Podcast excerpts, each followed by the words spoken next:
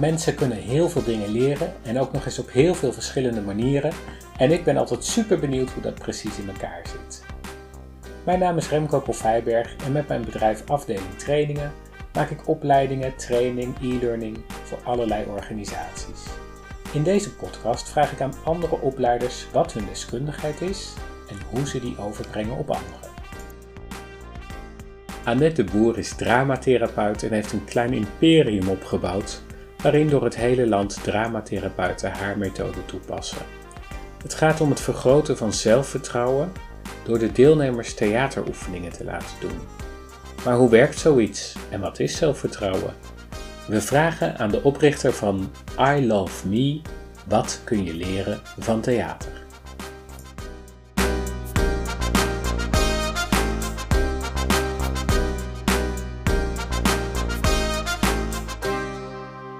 Zit aan tafel met Annette Boer van I Love Me, zo heet het bedrijf. En het heeft, eh, ik zag op je website iets van 12 trainers die door het hele land training geven. In het Mhm. onderdeel of in het onderwerp zelfvertrouwen.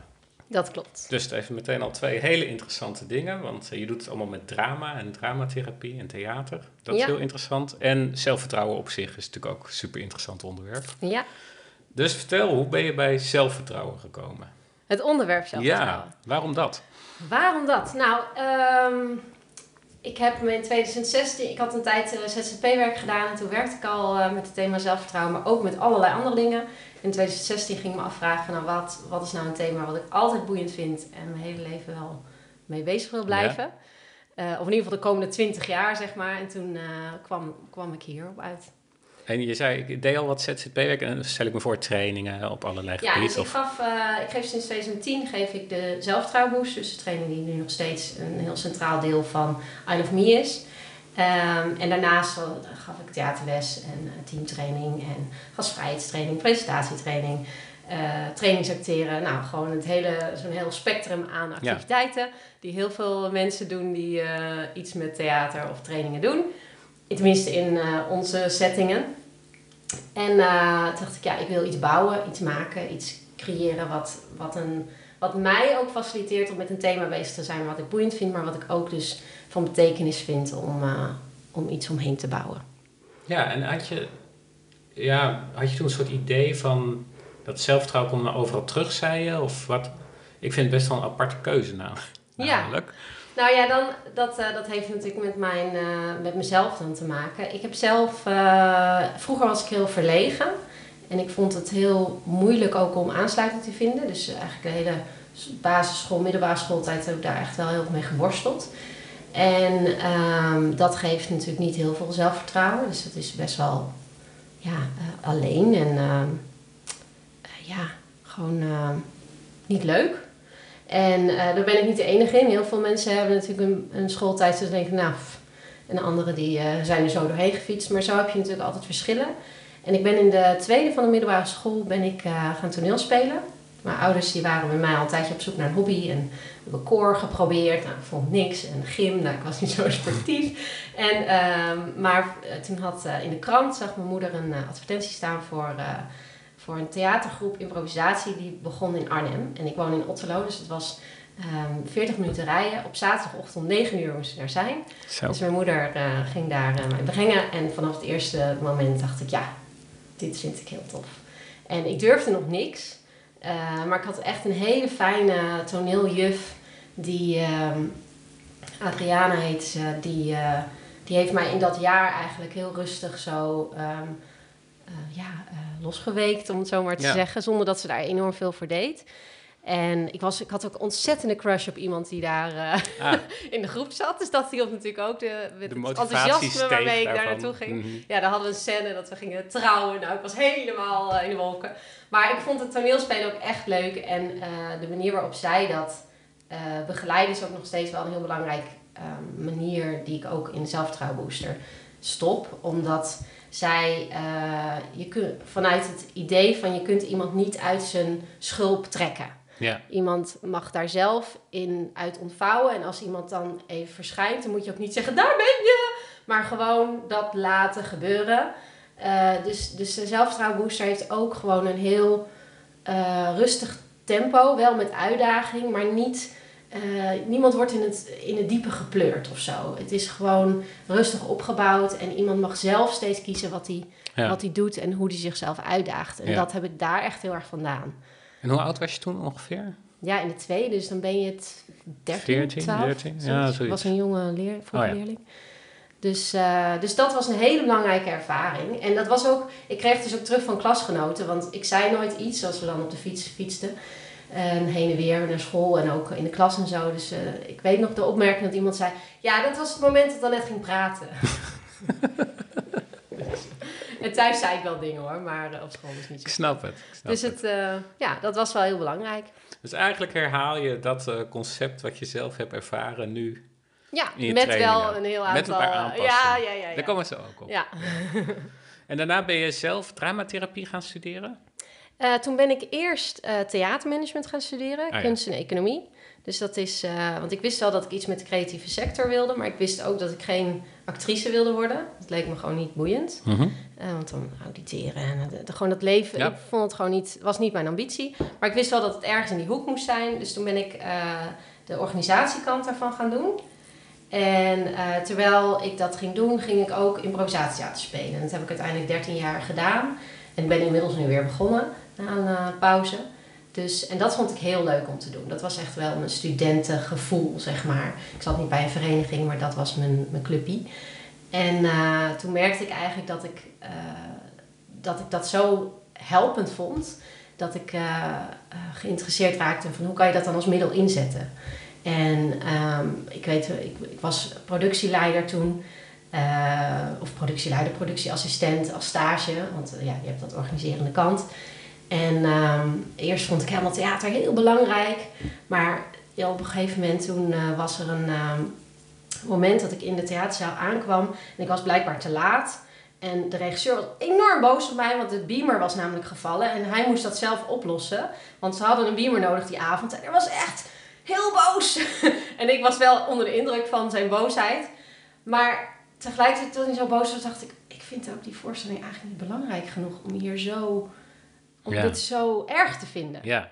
En dat was wel een eh, hele belangrijke switch van... Volgens mij is productieassistentie voor voorstellingen niet helemaal mijn pad.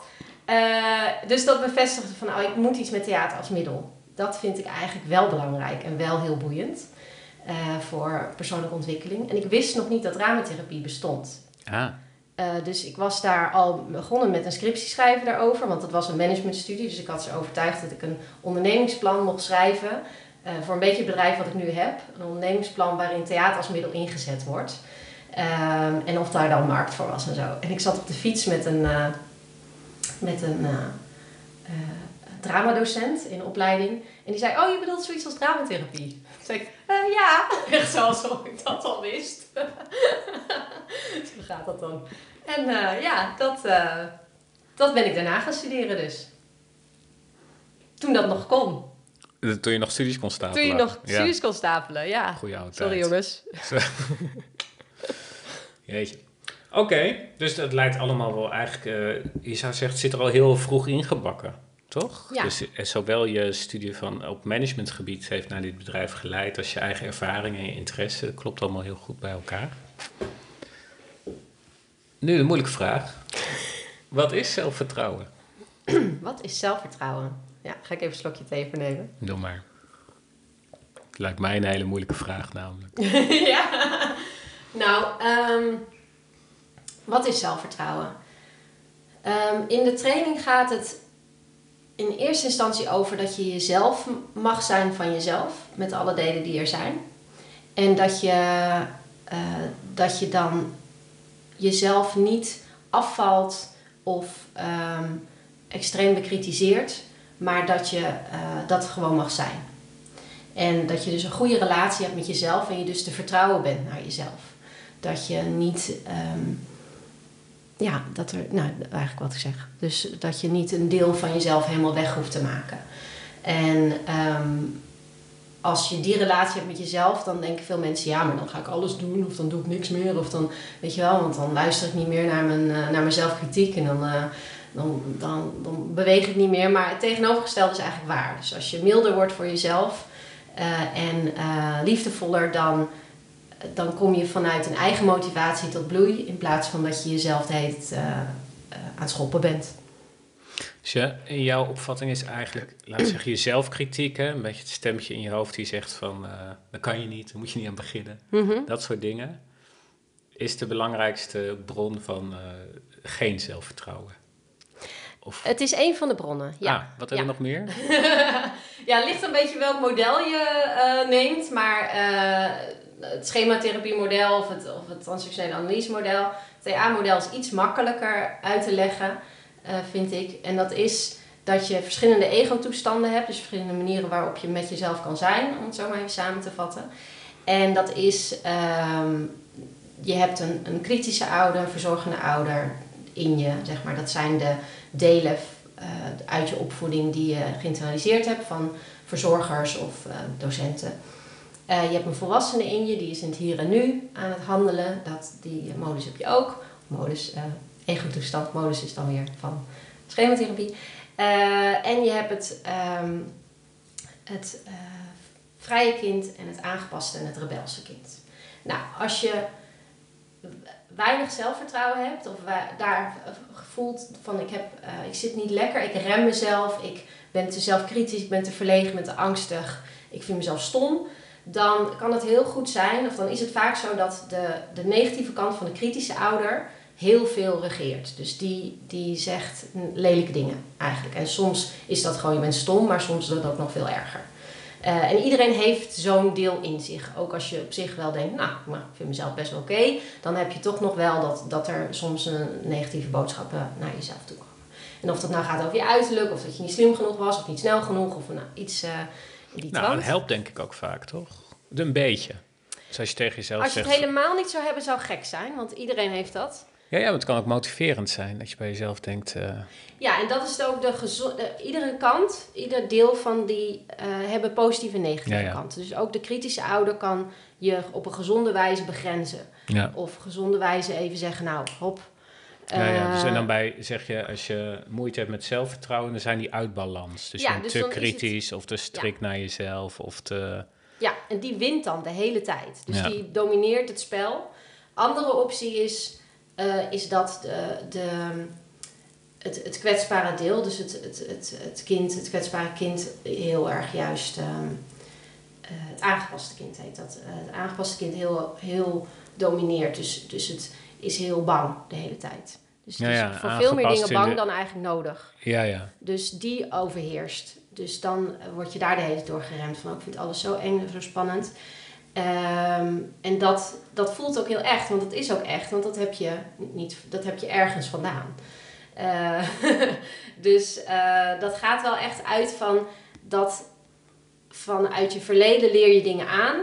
En uh, de negatieve kant van die, van die kritische ouder en ook, ook het, het aangepaste kind of het rebelse kind, dat heet het heel bozig, die, die zijn ergens een keer ontstaan en dat is ook gewoon waar. Alleen het is nu niet meer zo nodig of het is nu niet meer realistisch. Ja. Je bent al lang veel meer dan dat.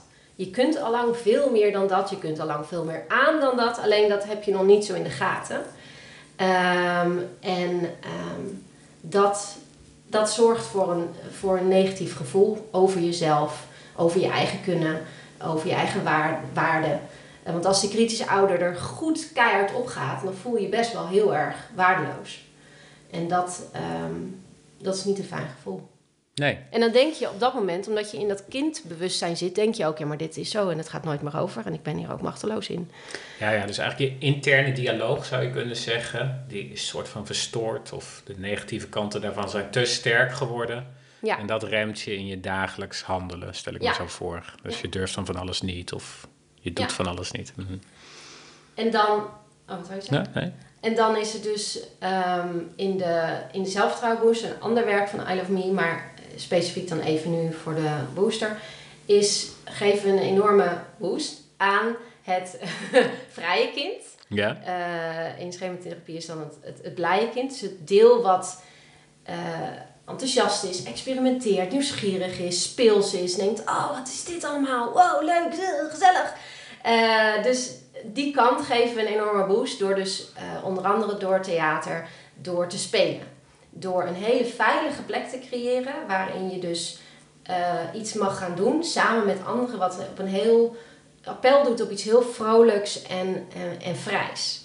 En dat, dat alleen al, dus we, zullen zo nog praten over waarom de booster, hoe dat in elkaar zit, hoe theater dan werkt. Maar dat alleen al is, is dus ehm, een tegenwicht op die dynamiek die je de hele hebt.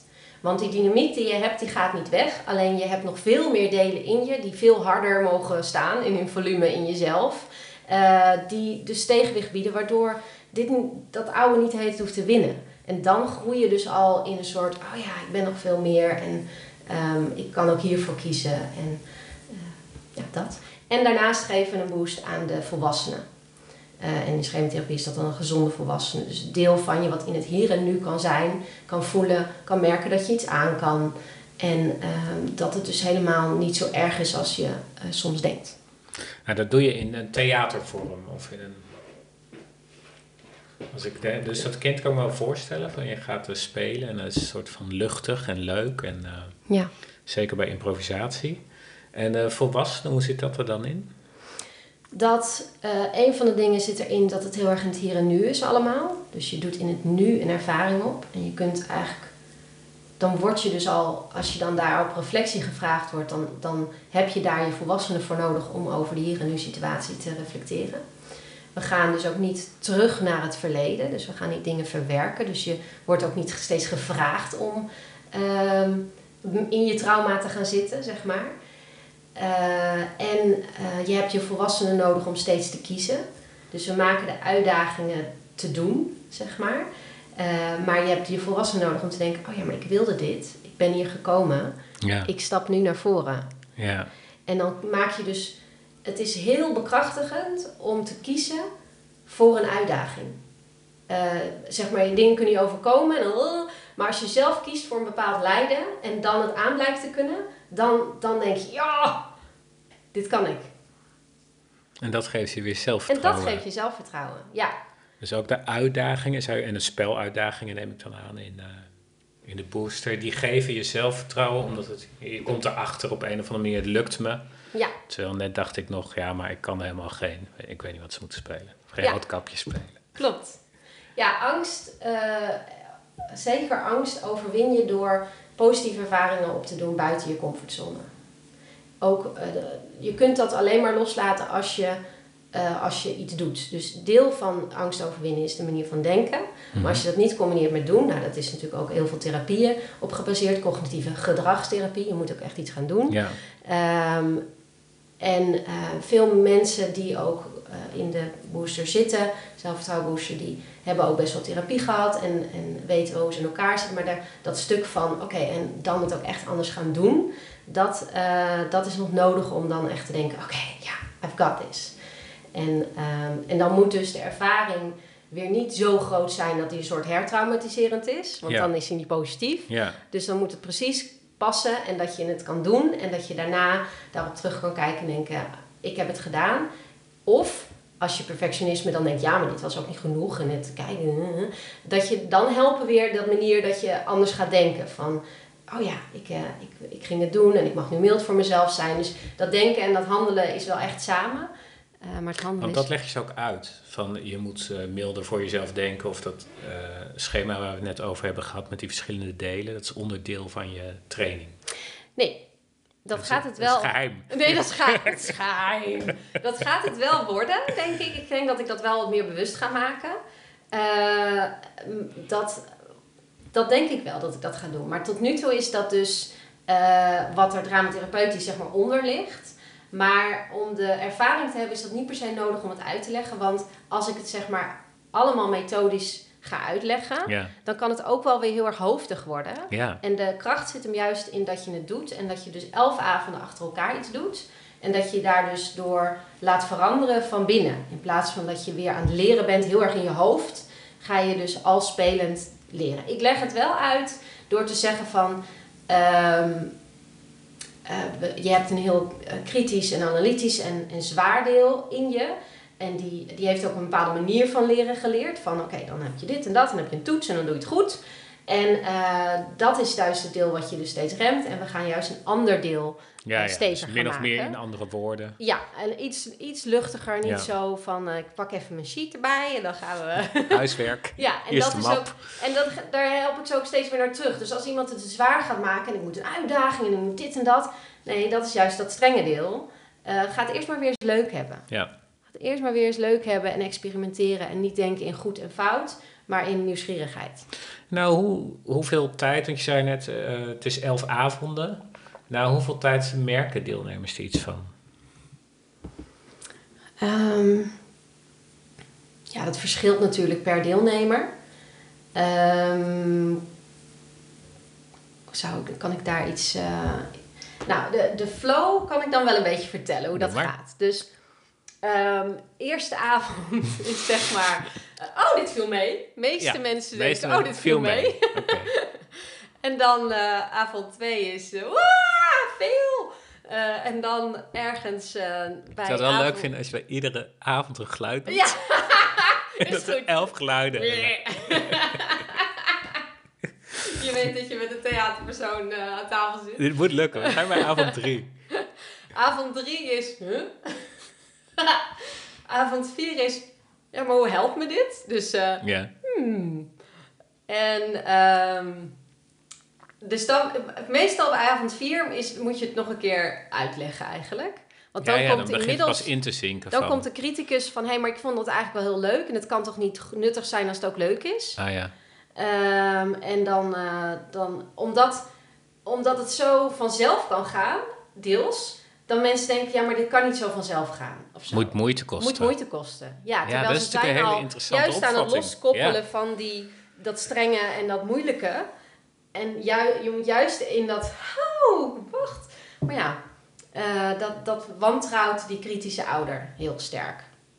Dat is wel eigenlijk super interessant voor leren. Hè? Het idee dat het moeite moet kosten, vind ik heel herkenbaar. Ja, Dat je denkt, ja, leren is moeilijk. Is ook vaak zo, omdat het zo ja, een beetje cognitief... en zeker, weet ik veel, als je een taal leert of zo... meer echt uren zit te stampen, ja, blijkbaar. ja. Ja. En dat is dus niet als het gaat over eh, zelfvertrouwen. eh, Nee, juist per niet. se alleen maar. De, soms, kijk, als je, echt, als je echt taaie dingen in jezelf moet verwerken, dat is echt niet alleen maar makkelijk. Dan, dat is, vraagt aandacht en erbij blijven.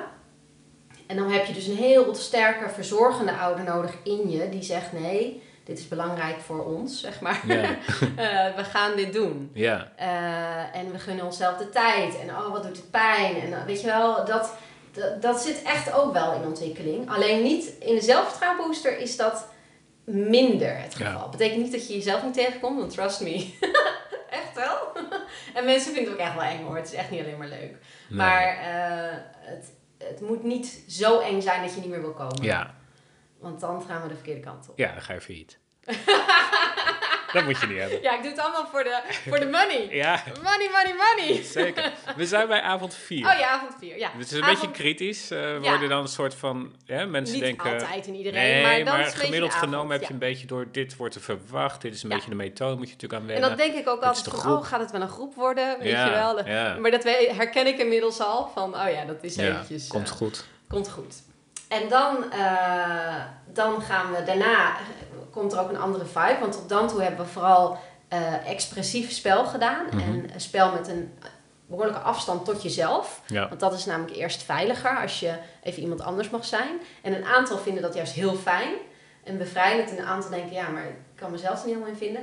En na avond 4 wordt het, gaat het meer over eh, jezelf laten zien en kwetsbaarheid. Dus dan gebruiken we meer emotioneel oprecht spel, waarin je Ja. dus moet voelen wat je zelf voelt en toestaan dat iemand anders dat ziet. Dus je, je sociale masker van, hé, prima hoor, zet je dan dus af. En dat is dus een heel andere vibe. Ook heel levendig, maar wel stiller. En, eh, dus dat is meestal echt zo'n knip in de, in de Ja. cursus. En dan is het voor een aantal ook... "Oh, Oké, ja, hier kwam ik voor, maar... eh, holy fuck. Dus eh, dat is het geluid erbij. Holy fuck. Alert. En eh, dan... ehm, ja, dus dat. En dan gaan we dus mee verder. En dan wordt het, eh, gaat het daarna over eh, kracht en ruimte innemen. En ehm, dat is ook vrij stil, want dat is ook echt iets wat je van binnen ervaart. En daarna komen er ook weer woorden bij met grenzen aangeven. En hier ben ik. En, en ga je dan ook richting rollenspelletjes van ik speel na wat ik met mijn moeder of met mijn baas of met de buurvrouw wil bespreken? Of is het niet zo praktisch? Ehm, het is wel praktisch, maar we houden het in fictie. Ja, juist. Dus, uh, dus niet een. Uh, dus je bent wel uh, scènes aan het spelen waarin je zeker grenzen aangeeft, bijvoorbeeld. Um, maar dat is zo'n absurd scenario dat je daardoor even los bent van de realiteit, ja. maar alleen puur die dynamiek kan oefenen. Van oké, okay, ik ga nu iemand uh, nee zeggen die ik wel belangrijk vind in mijn leven. En diegene gaat dat ook vervelend vinden. En, en dan daar in dat spel gebeurt er van alles met je gevoel natuurlijk. En hoe vertaalt zich dat, denk je? Want ik kan me wel voorstellen als je. Uh, zoals die mensen die gaan dat acteren eigenlijk. Hè? Dus ik weet niet precies wat voor situaties ze krijgen, maar misschien mm -hmm. uh, zij moeten spelen dat ze in een huwelijk zitten of zo, ik noem maar wat. Mm -hmm. Hoe vertaalt zich dat naar hun leven, denk je? Hoe gaat die transfer?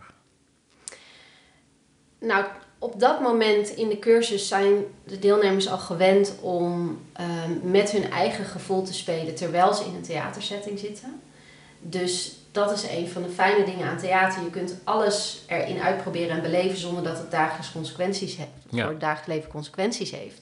Dus je hebt het allemaal al gedaan en gevoeld uh, in die scènes. Dus dan kan je het daarna ook makkelijker weer in de praktijk. Dus, nou, is dat zo? Ja, dat oh. is zo. Mooi. Wel wil niet zeggen dat je het daarna super goed kan, want je hebt het natuurlijk één, twee of drie keer gedaan. Maar je bent het in ieder geval aangegaan. Waar je het misschien in je dagelijks leven niet bent aangegaan, ben je het dan in zo'n scène wel een keer aangegaan. Ja. Heb je het een keer doorleefd. En, ehm, en de ene kan het dan direct, denkt, oh nu snap ik hem. En dan gaat het in de praktijk doen. En de ander denkt, nou nu heb ik het er niet één keer gedaan. Maar ik heb eigenlijk nog wel honderd keer nodig om dit te doorvoelen voordat ik het in het echt durf. En dat verschilt natuurlijk ook. Komen die terug, die mensen? Of doen de meeste er zijn wel mensen keer? die inderdaad Ja? de training nog een keer doen. Uh, maar je kunt daarna ook nog vervolg doen. Ah ja. Dus er zijn nog uh, drie vervolgtrainingen en, uh, en je kunt nog individueel aan de slag gaan. Ja. waarin je echt ook de, je hele innerlijke dynamiek eigenlijk uiteenzet. En snapt van, oh, dit doe ik dus de hele dag. En hoe kan ik dat doorbreken? En tegenwicht aanbieden. Ja. Dus er zijn nog wel opties. Het is eigenlijk een soort simulatie, zou je kunnen zeggen. Ja. Als ik het zo. Maar dan meer voor je persoonlijke gevoel. Ja, Dus Ja. eh, ja. Ja, het zijn een soort simulaties. En dat zijn rollenspellen in training natuurlijk ook. Als je, ja, maar ik... Nou, daarom vroeg ik even door over die transfer. Van hoe krijg je dat van theater naar de werkelijkheid? Eh, in training heb je ook wel rollenspellen, maar het is natuurlijk niet zo vaak. Jij doet het veel vaker, dat is denk ik veel beter. In trainingen duurt vaak maar een dag of een dag en een terugkomdag. Of weet je, dat is natuurlijk Mhm. eigenlijk te kort. Ja, En het is juist wel heel instrumenteel. Want vaak speel je daar de realiteit na, wat het dan ook is. Hè? Maar meestal een gesprek uit je werk, laten we maar Ja. zeggen. Terwijl hier, dat vind ik wel interessant, dat je zegt, ik houd het juist in de fictie. En het gaat me meer om het doorleven en het, het aangaan van de dingen zonder dat het consequenties heeft natuurlijk. ja dus dat heeft wat een, op, het heeft inderdaad wat een, op een ongrijpbaardere manier effect Ja. op je binnenwereld. Ja. Maar dat zijn wel de niveaus waar het zich afspeelt. Dus ben je heb- daar iets over te weten gekomen? Want ik vind dat je het mooi zegt, de ongrijpbaarheid. Is het al iets grijpbaarder geworden? hoe, waarom het werkt bedoel je? Ja, of hoe het werkt? Ehm, nou, twee dingen. In totaal denk ik van, de, volgens mij zijn ze al een beetje aan de orde gekomen, de drie manieren waarop het werkt. Dus dat je iets uitprobeert buiten je comfortzone. Ja, Dus dat, dat heeft Je een effect op je, op je is je gelukt. binnenwereld. Ja, en dat kan je herhalen. Ja, Dat kan je onthouden en dat kan je merken van... op. Ik ben me nu helemaal gek aan het maken, maar volgens mij moet ik gewoon een stap naar voren zetten. En die stap, die beweging van piekeren naar die stap zetten, heb je al een heel aantal keer geoefend in die Ja. elf keer. Ja, Ehm, het stuk van in theater kun je van alles uitproberen. Dus je hebt een heel aantal ervaringen opgedaan die je niet had opgedaan als je alleen in het echte leven was geweest.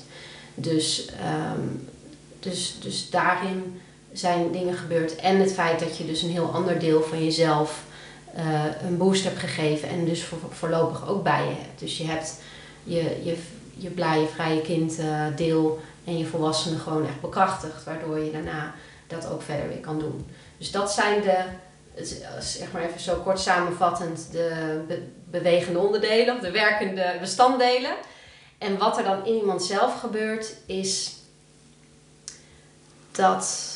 Ga ik eens even kijken of ik dat kan vatten.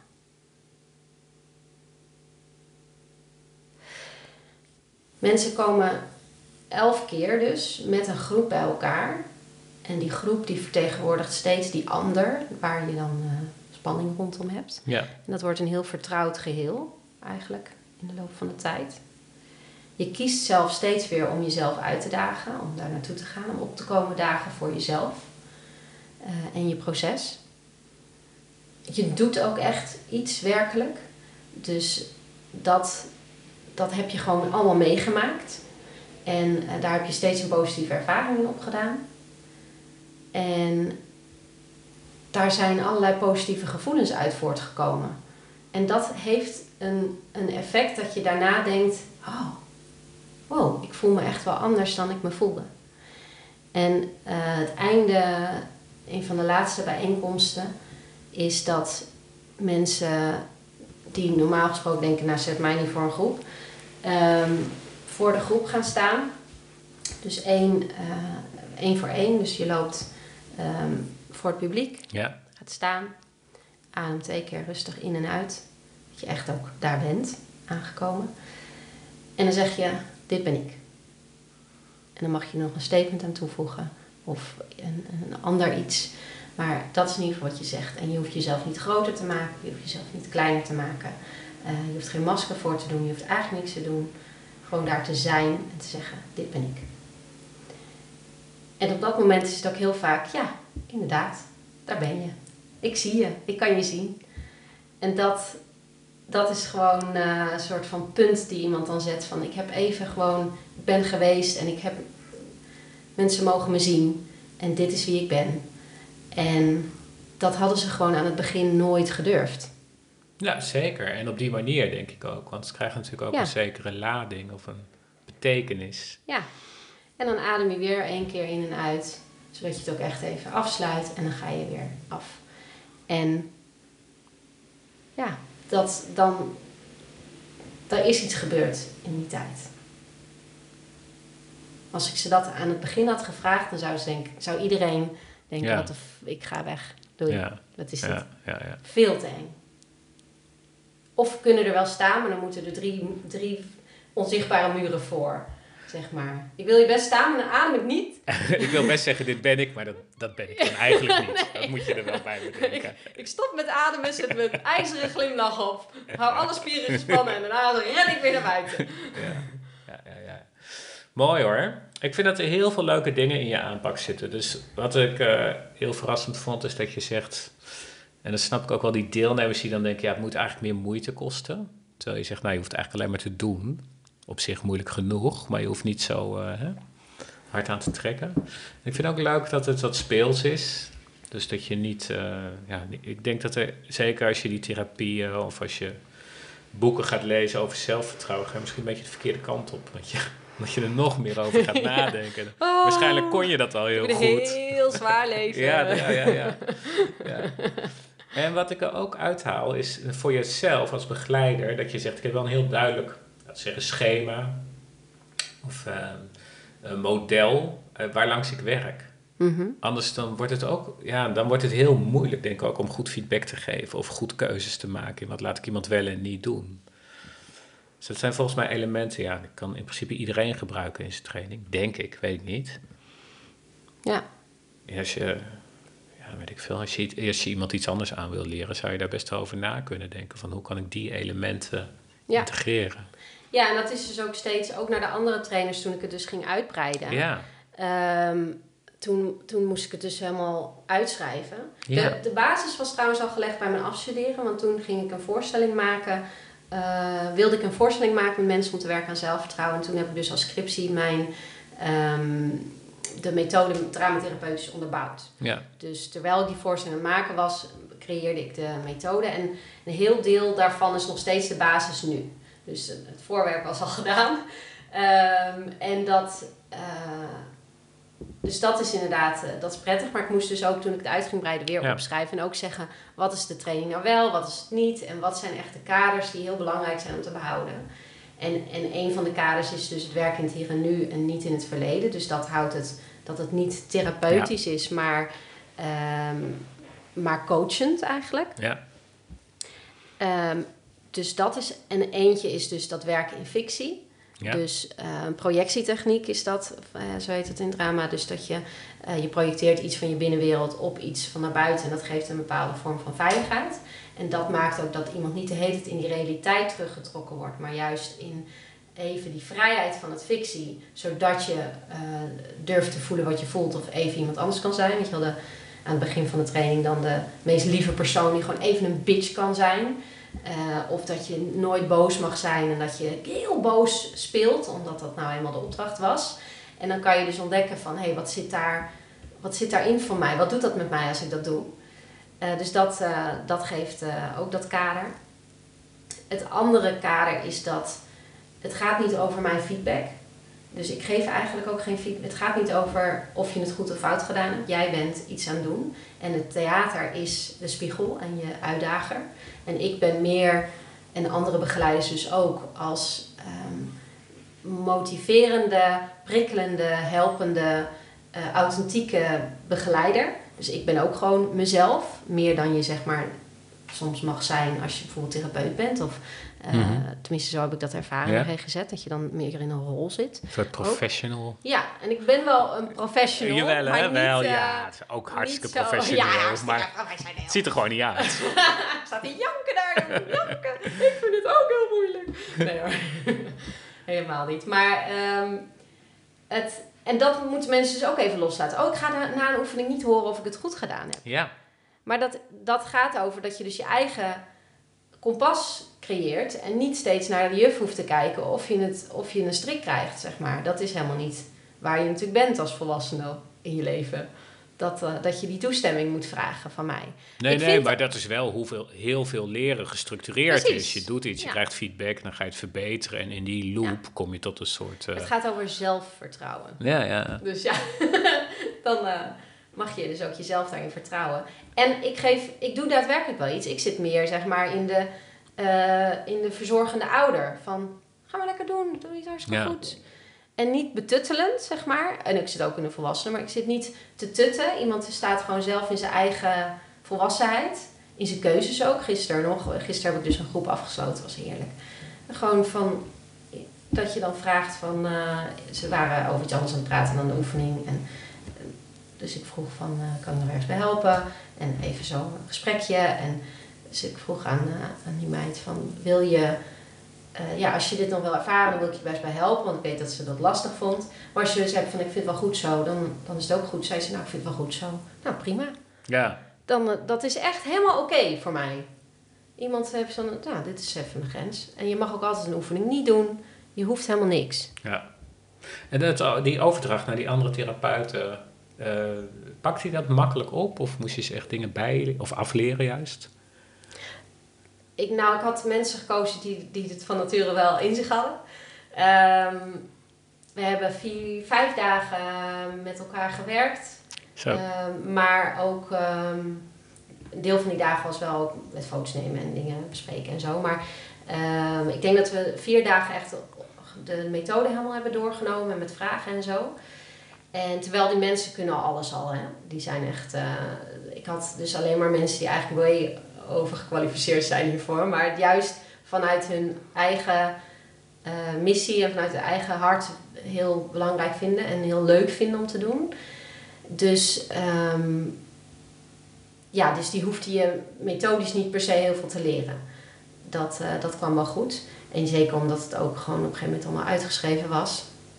Maar wel gewoon ja, de ervaring die ik dus de afgelopen jaren dan had opgedaan ermee. En, Ja, het je ook moet toch fijn op, om het op zelf te één lijn komen een beetje, Ja. lijkt me. en ze, ik, ze hebben ook alle oefeningen een keer zelf gedaan. Ja, Zodat je ook weet wat je eigenlijk aanbiedt. ja. En, ehm, maar ja, de, ze zijn al jaren dramatherapeut of al jaren eh, coach. Of, eh, en gebruiken ook veel theater als middel dan. En dat, eh, dat zit wel snor. Wat ik me voor hun kan voorstellen, het- is dat zij ook uh, geholpen zijn bij een wat bedrijfsmatiger aanpak. Dus dat je zegt, je hebt een bepaald format, je kan samen de marketing doen, je kan een naam opbouwen in de markt. Zo, ik ken niet zoveel dramatherapeuten, maar ik heb niet de indruk dat marketing of het denken in bedrijven een hele sterke dramatherapie skill is. Skill is. Wat, wat wil je nou eigenlijk zeggen hiermee? Als ik kijk bij de grote bedrijven en de diversiteit, dan zie je gewoon heel weinig dramatherapeuten. Ja, zo is het gewoon. Ja, zo is het gewoon. Dat er moet ook een quotum voor komen. op tafel ja. leggen, ja, dat is waar. Uh, ja, nee, zeker. Het is fijn als iets al bestond en dat je daar dan blijkt helemaal bij te passen. En dat je daar dan niet alles zelf voor hoeft te doen. Ja, tuurlijk. Ja. Dus dat, uh, dat, en dat bleek ook wel. Dus niemand die nu.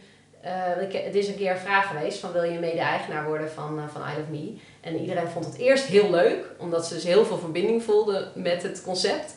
En na een week denken, nee, ik vind mijn rol eigenlijk perfect. Regel jij het maar. ja, regel jij het maar. Dat vind ik eigenlijk wel fijn.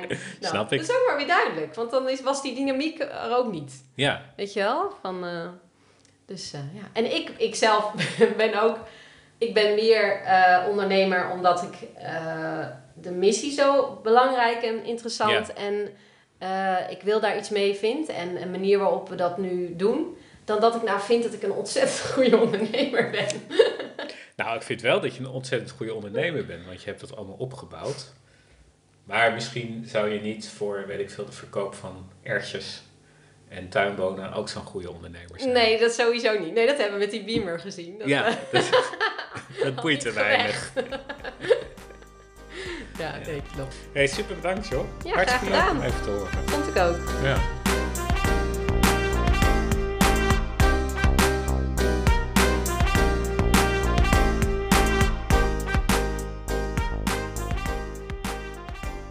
Wil je in je bedrijf ook een training of een opleiding maken en kun je daarbij wel wat hulp gebruiken?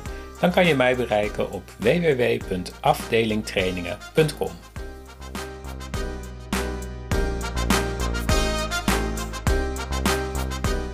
De fantastische muziek die je nu nog hoort is van Kjartan Abel uit Noorwegen en het beeld dat ik gebruikt is van Natalia Y via Unsplash.